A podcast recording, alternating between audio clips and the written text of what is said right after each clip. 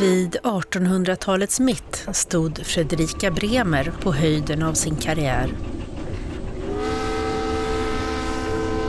Hennes realistiska romaner hade gjort henne till en av sin tids mest kända författare inom och utom Sverige.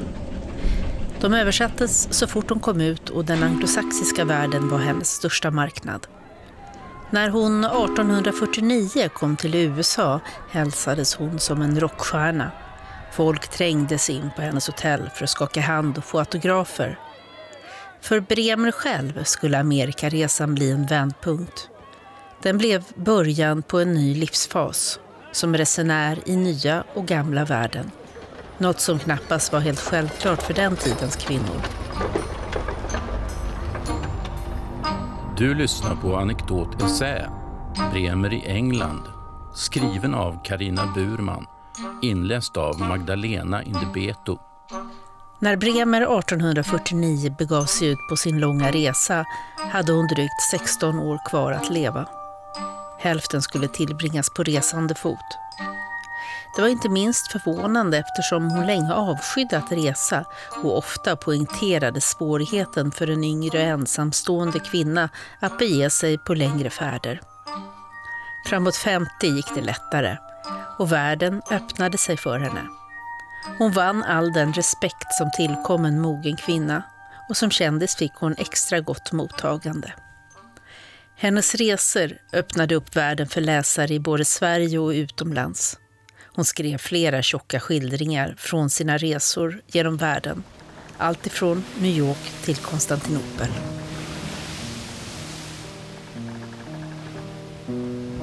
Första volymen av Bremers Amerikaskildring Hemmen i den nya världen 1853-54 inleds med resan från England där författaren tillbringat några dagar. I England kände sig själen liksom på sträckbänk, skrev hon. Men besöket var nödvändigt. Ty jag måste få se lite av England och i synnerhet av London innan jag såg Amerika och New York. Jag ville ej bli för mycket förbluffad av New York.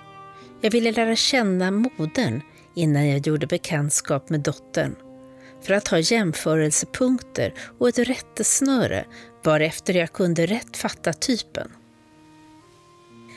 Bremer behövde vänja sig vid den stora världen lite pö om pö helt enkelt. Också på tillbakavägen tänkte hon sig till England. Den här gången nog mindre för gradvis återanpassning än för att få ett bestämdare intryck, en slutmening därav innan jag kommer hem. Också England skulle få sin reseskildring, men den blev kortare och fränare än Amerikaboken. Hemkomsten till Sverige blev en chock. Under tiden i England hade Bremers älsklings syster Agate dött och sorgen slog hårt. Dessutom var det inte utan att Bremer hade dåligt samvete för att hon dröjt sig kvar i utriket medan den sjuka systern låg och längtade. Den stora människovännen och filantropen hade varit egoistisk och det fick kvinnor inte vara. Inte blev det bättre av att systern på dödsbädden ropat ”Jag känner att Fredrika kommer”. Och som om inte detta räckte upptäckte Bremer att familjeförmögenheten försvunnit. Hon hade alltid varit välbärgad och de icke föraktliga summor hon tjänat på sitt författarskap hade hon använt till välgörenhet. Delar av förmögenheten hade hennes bror förstört på okloka investeringar i brännvinsaktier, men resten gick åt ganska snabbt. Moderns bristande sinne för ekonomi är en förklaring. Men Bremers kostnader för drygt två års resande bidrog säkert till den allmänna förlusten. Nu återstod att sälja Årsta slott, som hon älskade så högt och som den barnrika och välbärgade familjen haft som sommarställe. Bremer ställdes också inför tvånget att försörja sig och modern med mina händers arbete, som hon uttryckte det.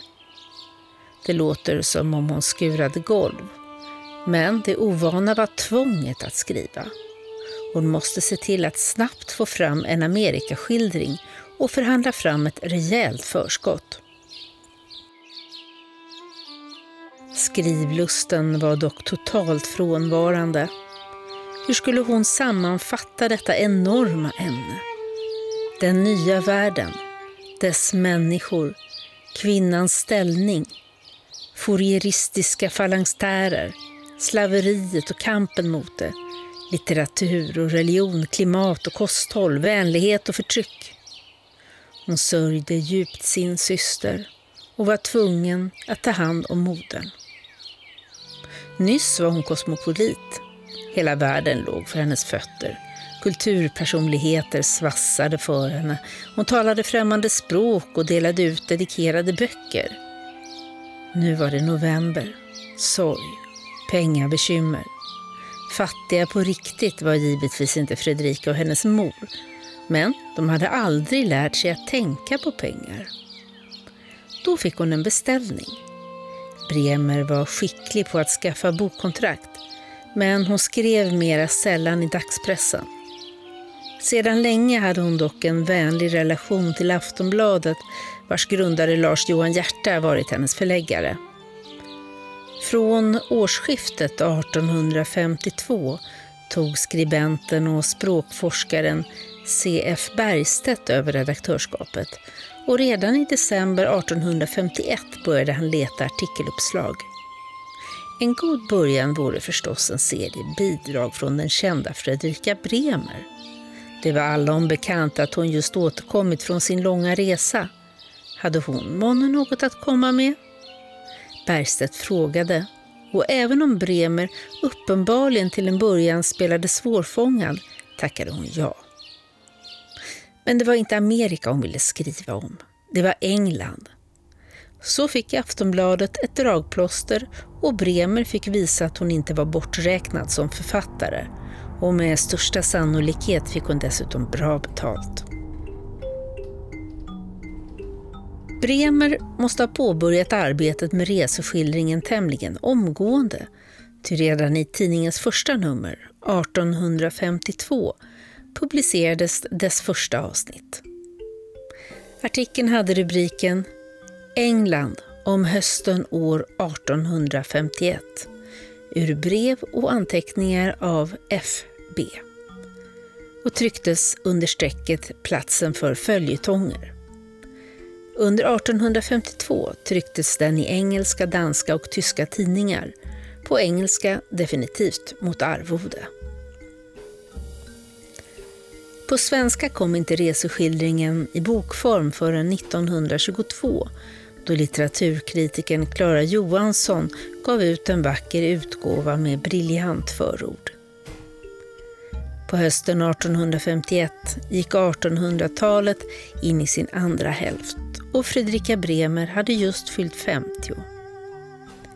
I England pågick den första världsutställningen en tillställning som överskuggade det mesta som hände i öriket det året. För utställningen byggdes Crystal Palace, Kristallpalatset, en ultramodern och drygt 500 meter lång skapelse i stål och glas. Där inne ställde hela världen ut det präktigaste man kunde tänka sig. Det var chauvinistiskt och imperialistiskt, men ansatsen var onekligen imponerande. På det knappa halvår som utställningen pågick kom 6 miljoner besökare. Det fanns särskilda billighetsdagar för fattiga. Skolklasser från London hade gratis inträde och folk vallfärdade dit från hela världen. För Fredrika Bremer var världsutställningen ett pittoreskt nöje. Hennes egentliga mål med Englandsvistelsen var att studera industrialismen, socialismen och arbetarrörelsen. Dessutom passade hon på att träffa vänner. Hon hade vänner överallt och fick ständigt nya.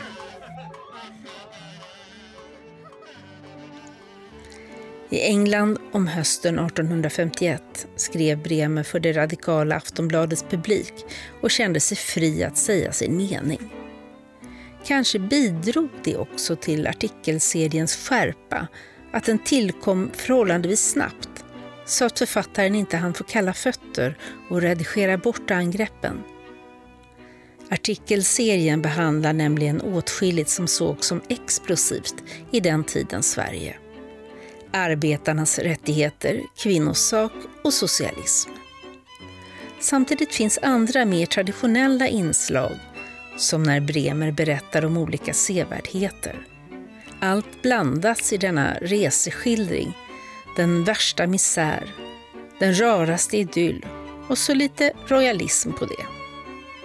Men inte ens drottning Victoria slipper undan när Bremer får veta att drottningen begärt enorma summor från parlamentet till stall och hundkojor vid sina slott. Vad? 119 000 pund till stall och hundkojor till underhållande av präktiga hästar och hundar. Och det på en tid då Irland svälter eller vandrar ut i djupaste nöd. Då inom själva England så oändligt mycket återstår att göra för människor. Så onämnbart mycket kunde befordras till allmänt väl med dessa summor. Uppvuxen som hon var i en konservativ societetsmiljö var Bremer lite förtjust i kungligheter. Och när hon väl fick se drottningen blev hon charmerad av henne. Samtidigt var författarinnan fascinerad av revolutioner och nu undrade hon hur det egentligen skulle gå för drottningen som inte tvekade för att nyttja undersåtarnas pengar till lyx. Dylika anslag brukar eljest vara farliga för konungamakten. Dylika anslag undergrävde Ludvig Philips tron, har undergrävt många troner. Vänner försäkrade henne att i England var sånt inte alls något problem, ty alla älskade verkligen drottningen, som utgjorde ett föredöme för alla. Bremer var inte övertygad. Hon tyckte ändå att drottningen dansade alldeles för nära avgrunden med sin fot. En allra käraste liten fot lär det vara. Bremers hela författarskap ligger någonstans mellan idyll och manifest. Och samma sak gäller Englandsboken. Den har en i stort sett kronologisk prägel där vi följer hennes resa från ankomst till avfärd. Första artikeln inleds med besöket 1849. Man förstår nu varför Bremer känner sig så pressad. Hösten 1849 härjade nämligen koleran i London. En tung tjock luft vilade över städerna som ett åskdigert moln. Likvagnarna rasslade genom gatorna. Städerna vore folktomma. Ty koleran var där och alla som hade medel flydde ut på landet. De medellösa måste bli kvar. De välbärgades flykt från storstädernas smittohärdar tycks vara ett allmänt fenomen under pandemier. Från Boccaccios tid till vår. I London mötte Bremer den bleka nödens misär som var vida värre än allt hon sett i Stockholm. Jag såg gestalter smyga omkring på gatorna, svartklädda, skugglika, mera lika vålnader än varelser med kött och blod. Aldrig hade jag förr sett mänskligt elände i en sån skepnad. På resan norrut for Bremer genom det hon kallar manufakturdistrikterna. Manufaktur är ett gammalt ord för fabrik och avser egentligen mindre anläggningar än det industriella Englands. Kanske visar detta något på Bremers egen förankring i en äldre nordisk brukskultur. Vid första besöket passerade hon bara fabrikerna. Men jag hörde barnens klagande rop från faktorierna. Ropen som den offentliga rösten låtit utgå i världen. Ropen från barnen. Dessa små som föräldrars och fabrikanters vinningslystnad tvingade att offra liv och glädje och hälsa i maskinernas verkstäder. Barnen som jäktades och slog oss tills de sjönk ned medvetslösa i döden eller i fånighet, den levande döden. Hon kallar fabrikerna Moloks tempel där Englands mammonsdyrkare offrade även barnen i avgudens glödande armar. Barnen, jordens hopp och ljuvaste, skönaste glädje.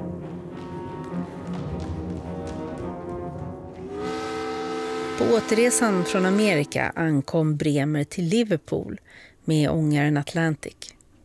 Hon märkte genast att stämningen i England var annorlunda än två år tidigare.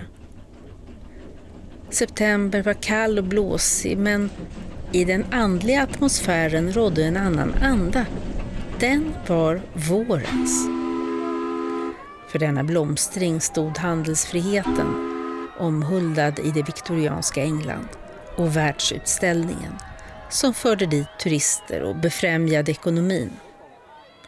Där Bremer förutsett sjukdom såg hon nu nytt friskt liv. Människorna höll på att få det bättre. Något förvånande valde hon att inleda sin vistelse hösten 1851 med besök i manufakturdistrikterna i Liverpool, Manchester och Birmingham. Hon besökte också fattigskolor, så kallade ragged schools, arbetarbostäder, nykterhetsloger och fabriker. I Amerika hade hon ofta klagat på utmattning och krasslighet, men nu tycktes hon outtröttlig. Skolorna fyllde henne med glädje. There's a sunlight in such, skrev hon till sin engelska översättare och barnarbetet hade också minskat. På många sätt var Bremer en föregångsgestalt, men hon var ingen modern människa. Trots att hon i så starka ordalag vände sig mot barnarbete i fabrikerna var hon inte negativ till att barn arbetade. Det gjorde de också i Sverige, både på landet och i Stockholm. Skillnaden var dock stor mellan å ena sidan hushållets lillpigor och smådrängar och den andra industrins utnyttjande av billig minderårig arbetskraft. Bremer betonade att missbruket och misshandlingen av småbarn upphört under de två år som gått sedan förra besöket. Barn över tio år fick fortfarande arbeta i fabriker, men måste gå i skolan halva dagen. Varje större faktori hade nu vanligen sin skola och lönade en skollärare för barnen. Det var varken stat eller stad som ordnade detta utan fabriksledningen. Barnens bästa var alltså avhängigt av fabrikörens välvilja. Under dessa dagar hann Bremer se många fabriker. Även om många av fabriksarbetarna tycktes prydliga och nöjda blev Bremer inte riktigt övertygad av den storskaliga produktionens inverkan på människan. Om en spinnfabrik i Manchester skrev hon att den ansträngda uppmärksamhet med vilken dessa kvinnor arbetade syntes mig plågsam. Den industriella världen var långt från Bremers egen verklighet. Hon var inte van vid storskalig tillverkning. Här saknade hon ett patriarkalt förhållande mellan fabrikens ägare och de anställda. Husbonden vet icke av arbetsfolket, skrev hon. I London besökte hon slummen. Och jag såg det, såg i St. Giles och i synnerhet i en del av Westminster hela kvarter, gator och gränder med usla, halvt förstörda hus, fönster tillstoppade med trasor, trasor hängande flämtande i vinden, utomhusen såsom dess fanor. Allt trasigt, smutsigt, uselt. Hon såg hyresrum som gjorde henne äcklad över människors utnyttjande av sina utsatta bröder och systrar. Med stor glädje såg hon dock de modellhus som byggts för att Londons fattiga skulle få bra bostäder. Boarding houses för ensamstående män, de så kallade Thanksgiving buildings för ensamstående kvinnor, familjebostäder och även gemensamma tvättstugor där kvinnor kunde hyra en alkov för stortvätt. London, stora, ståtliga, underliga London, säger Bremer till sig själv när hon vandrar genom stan, genom dess vidsträckta gröna parker och husgytter. I London ville Bremer besöka allt av intresse och se allt hon hade möjlighet till. Hon undvek inte det obehagliga. Ty överallt söker jag att se det bästa och det sämsta av tingen. Tillvarelsens himmel och helvete i alla sfärer av livet. Jag vill se det även i Londons liv och jag såg det. Hon såg till och med sånt som kvinnor sällan fick se. Hon besökte gentlemännens klubbar, palatslika hus där allt vad stan har mest utsökt i mat och dryck och alla livets lyxartiklar står herrarna till buds. Trots att Bremer själv kom från en samhällsklass vars män hörde till sådana klubbar ser hon dem som föraktliga sammanslutningar. Fostrar av själviskheten och njutningslustan. Bremer trodde på människans ansvar, på plikt och arbete. Att klubbarna var enkönade bidrog säkert också till hennes avoghet. När hon senare besökte ett modernt men frugalt härberge för fattiga kvinnor dyker de åter upp i berättelsen. Jag måste tänka på de präktiga klubbarna. Icke vilja ha sådana för kvinnorna, men något lite trevnad och bekvämlighet, ja till och med lite skönhet i omgivningarna, det är en rättvisa som jag vill fodra för dessa ensamma. Det räckte inte att ha tak över huvudet och mat i magen. För människans lycka kräver Bremer också skönhet. Vid läsningen av England om hösten år 1851 slås man av författarinnans öppenhet för nya tankar.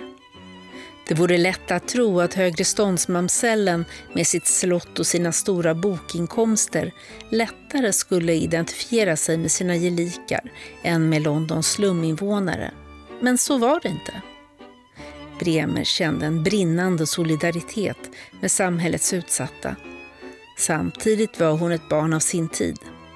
Och just den stora öppenheten gör att man kanske reagerar starkare när hon tycks fördomsfull när hon förmodar att lättja leder till laster eller när hon bedömer människor efter deras utseende. Det gäller att inte låta sig luras. Här har vi en föregångskvinna på alla sätt. Inte endast människans rätt var viktig utan också djurens. På Londons zoo gladdes hon åt alla främmande arter från Afrika och Australien men många av dem verkade ändå bra olyckliga. Om lejon och leoparder skrev hon hur vackra de måtte vara i öknen eller bland tropiska skogar eller i de vilda bergshålorna, de granna, grymma djuren, hur förfärligt sköna. Örnarnas bur fann hon mycket välkonstruerad och säkert bra för fåglar, ifall de kunde glömma att de är fångar. Bremer ansåg djur och människor vara bröder, ty Gud hade skapat dem samma dag. Därför är hon också en föregångare i djurrättsfrågor. Viktigast för henne var dock människorna. En av de saker hon fann intressantast i England var framväxten av arbetarnas associations. En term som rymmer både kooperativ och tidiga fackföreningar. I London besökte hon de små kooperativa butikerna som hon ansåg tillkommit av en andlig naturnödvändighet och intervjuade föreståndare för en av dem. Hon poängterar att han var demokratiskt vald och intervjun återger hon i frågor och svar. Redan under arbetet med syskonliv hade hon studerat socialismen men intresset ökade under tiden i Amerika. Det var uttryckligen den kristna socialismen som engagerade henne, inte den marxistiska varianten. Att hon inte var obekant med den heller framgår av att hon i England om hösten år 1851 alluderar på inledningsorden i Marx och Engels kommunistiska manifest. Ett spöke går runt Europa, kommunismens spöke. Hon uppmanar läsaren att våga se spöket i vitögat. Förnuftiga hjärnor borde ej förskräckas för spöken utan modigt se dem an, skriver hon och slår fast att socialismen i grunden är var god människa kär. Människan bör pröva allt och behålla det goda. Jag tror på den goda jorden även i människonaturen som skiljer vetet från agnarna, som bärer av sig själv först brodd, så ax, så fullmognat vete i axeln. Till denna goda rättvisa jord förtror jag även vad jag här skrivit. Här tycks Bremer snarare tro på reform än revolution. Men hon var inte helt övertygad om att revolutioner kan undvikas. Klara Johansson funderar i förordet till sin utgåva av England om hösten 1851 om Bremer kanske besökte Örmen och Engels bomullsspinneri. Då kunde hon möjligen ha råkat en blond ung herre på vilken det alls inte syntes att han var en landsflyktig revolutionshjälte där han tronade likt en förhärdad bourgeois på kontoret. Denne fabrikör var alltså Friedrich Engels som tillsammans med Karl Marx författade det kommunistiska manifestet 1848. Bremer namnger inte de fabrikörer hon besökte så det får bli en av historiens små men icke desto mindre fascinerande gåtor. Fredrika Bremer talar alltså om allas rätt att delta i politiken. Och orden om medborgarrätt avser också allmän rösträtt. Redan tidigt i artikelserien betonar hon att den tid är förbi då överheten kan befalla undersåtarna. Folket har kommit till myndighetsålder och ska styra sig självt enligt självvalda lagar. Vid denna tid fanns inte allmän rösträtt, vare sig i Sverige eller England. Alla män var inte röstberättigade och inga kvinnor var det. Bremer har berört kvinnlig rösträtt redan i en dagbok 1841. En av hennes mest bitska och oförtjänt bortglömda romaner och skulle i Herta kräva en rad reformer, framförallt kvinnlig myndighet. Under tiden i Amerika hörde hon talas om de Women's Right Conventions som hölls där vid denna tid. Vid den första, i juli 1848, antogs en resolution som parafraserade den amerikanska oavhängighetsförklaringen och räknade upp ett stort antal punkter där kvinnor diskriminerades. Avsaknaden av rösträtt samt myndighet över sig själv och sin avkomma var två av dem. Det var alltså knappast förvånande att hon ägnade kvinnan och kvinnosaken stort utrymme i England om hösten år 1851. Vi har redan mött henne då hon besökte kvinnor i slummen och samtalade med dem om praktiska ting, matlagning, tvätt och barnens uppfostran. Hon visade sig intresserad. Bremer tycks ha varit bra på att prata med folk, också sådana som levde under andra villkor än hon själv. Sådana samtal förde hon såväl med amerikanska slavar som med arabiska haremsdamer. Hon nästlade sig in och frågade hur det egentligen var, vad de tänkte på, hur de såg på livet och världen. Under sin Palestinaresa mötte hon en dam som frågade varför Bremer inte var gift. Då jag sagt det genmälte hon att jag hade rätt, men att hon icke ville höra sånt mer. Vad Bremer svarat vet vi däremot inte men vi kan ju gissa.